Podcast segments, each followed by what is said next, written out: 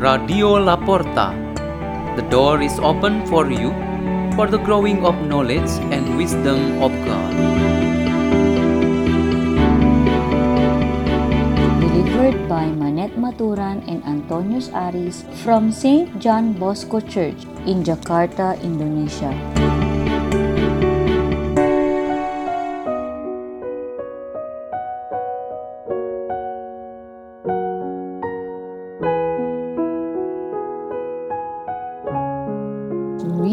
And meditation on the Word of God, Thursday of the third week of Ordinary Time, January 27, 2022.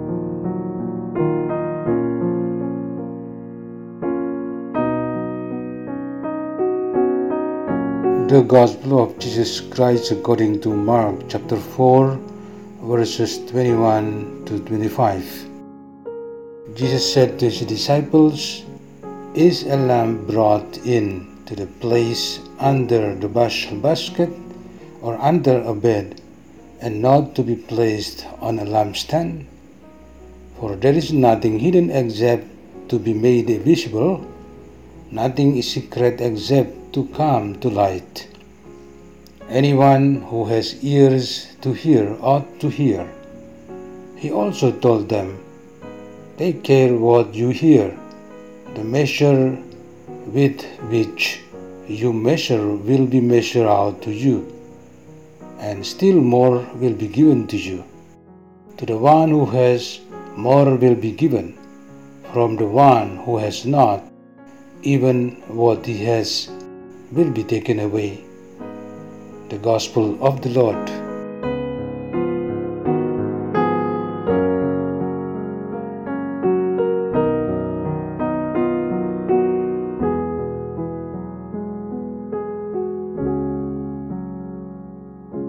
Our meditation today has the theme Lamp Light. In Jesus' time, there was no electricity.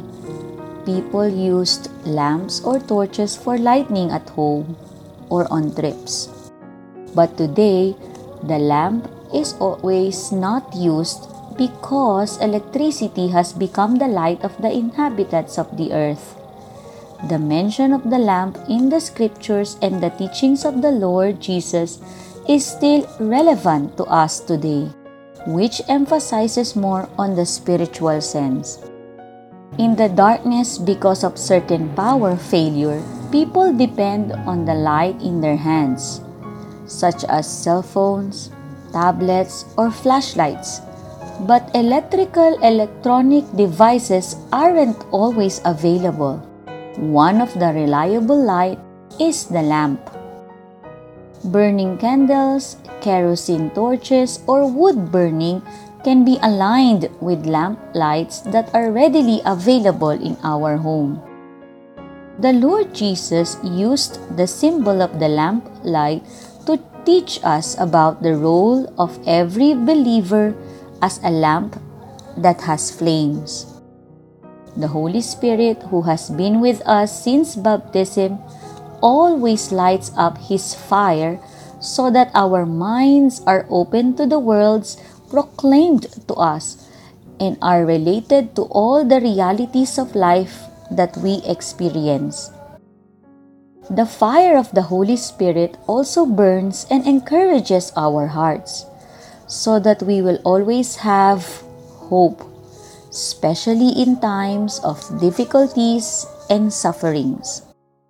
Every person has a lamp and fire in him or herself because God intends to make men and women his co workers. Followers of Christ rightfully take part in the mission of Jesus Christ. They are God's partners in this world.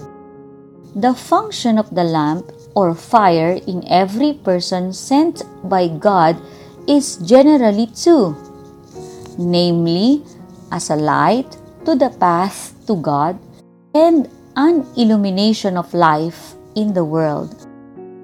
The way to God is not always smooth and easy.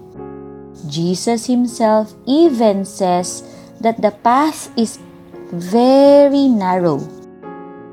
King David himself needed the divine light in order to understand and lived out the trust of God to him. The long journey of life is often hampered by various forms of darkness. The lamp in each person is very useful in illuminating and guiding him or her. That the way to God is the way of Jesus Christ. The world, with all its conditions, often becomes dark because of all its shortcomings, such as ignorance, discrimination, lies, violence, and death.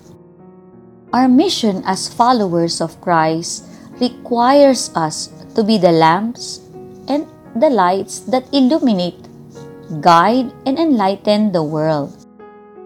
May our lamps continue to burn until our lives in this world end. Let us pray. In the name of the Father, and of the Son, and of the Holy Spirit. O Jesus, fill us always with the light of your Spirit, so that we will increasingly become your witnesses of the goodness and salvation in this world. Hail Mary, full of grace, the Lord is with you. Blessed are you among women, and blessed is the fruit of thy womb, Jesus. Holy Mary, Mother of God, pray for us sinners, now and the hour of our death. Amen. In the name of the Father, and of the Son, and of the Holy Spirit. Amen. Radio La Porta. The door is open for you.